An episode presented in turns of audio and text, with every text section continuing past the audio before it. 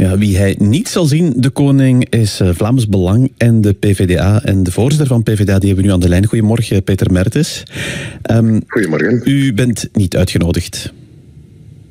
Nee, zo blijkt. Uh, en dat is echt wel straf, vind ik. Want dat is nu 266 dagen dat we worden uitgesloten uh, van, van elke onderhandeling en van elke raadpleging, zeg maar. En het gaat niet alleen over ons als partij, als PvdA. Men is nu 266 dagen bezig met die schertsvertoning. En blijkbaar hebben tien traditionele partijen besloten om uh, druk op de koning te zetten om, om de PvdA niet uit te nodigen. En wij vinden dat niet normaal en ook niet aanvaardbaar. En het is daarom onder meer dat wij op 1 maart uh, een grote betoging gaan doen. Om te zeggen, er moet een ander soort politiek komen en we moeten stoppen met dat sociale signaal van 26 mei compleet te negeren. Maar wat, bezig had, had u die uitnodiging gekregen, quote non, meneer Mertens, wat had u dan aan de koning verteld vandaag of morgen? Nee, dat uh, het sociale signaal op 26 mei ondertussen heel hard is ondergesneeuwd geraakt door uh, niet één ezel, maar wel verschillende ezels die elkaar uh, aan het stampen zijn. Er is geen zicht.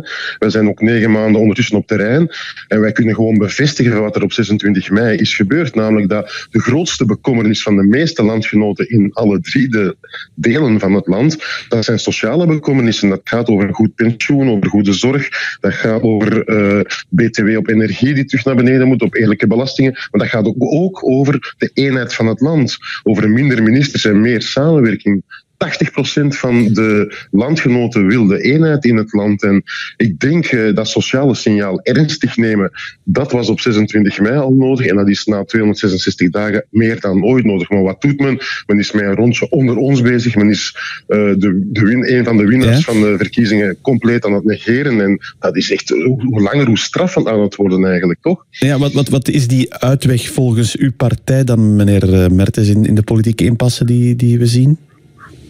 Ja, kijk, wij hebben nu negen maanden zelf uh, geduldig geweest. Wij hebben ook constructief geweest. Wij hebben in het parlement de voorlopige twaalfde mee goedgekeurd. Uh, wij hebben elk constructief voorstel rond pensioenen, rond zorg en zoveel ermee ondersteund. Wij hebben druk gezet van onderuit en zo dat noodfonds uh, voor de zorg mee weten te realiseren voor 400 miljoen euro per jaar. Maar wij zien dat negen maanden aan een stuk eigenlijk het sociale signaal genegeerd wordt. Dat politici liever met zichzelf bezig zijn dan met noden. En dan denken we, ja, misschien komt het einde dan toch in zicht van al die politieke spelletjes. Hè? Wat bedoelt u daarmee, komt het einde in zicht? Ja, het lijkt zo dat het einde in zicht komt. Op 26 mei heeft de bevolking een signaal gegeven, een heel duidelijk signaal, eigenlijk een belsignaal. En normaal moesten de kinderen dan in de klas hè, op 26 mei. Dat is 266 dagen geleden. Maar de kinderen zijn in de klas gegaan. De kinderen zijn na 266 dagen nog altijd op de speelplaats aan het vechten.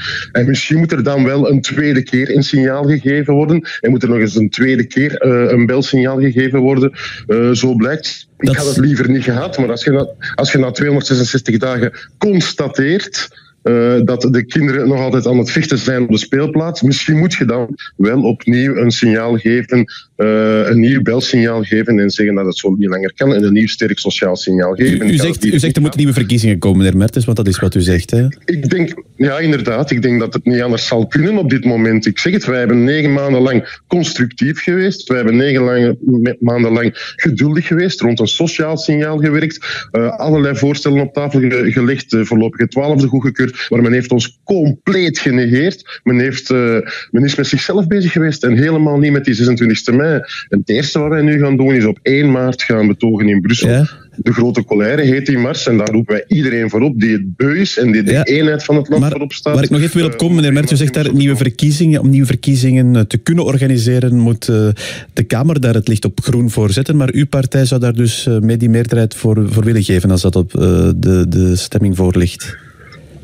Als het einde in zicht blijkt, inderdaad wel. En als het nodig blijkt om de uh, vechtende kinderen terug in de klas te krijgen, absoluut wel. Laten we hopen dat het niet zover moet komen. Maar als het nodig blijkt, dan, dan, dan zijn wij er zeker voor. Ja. Ik zie niet anders in hoe we uit die impasse kunnen geraken. Dat is geen droomscenario, uiteraard niet. Maar wat er nu gebeurt, die strategie van verrotting is ook geen ja. droomscenario. Nee, u zegt, het, het is geen droomscenario, maar is het dat net niet nee. voor uw partij, zeker aan Waalse kant, hè, waar, waar, de PTB hoopt toch binnen te rijven wat er, er fout is gelopen?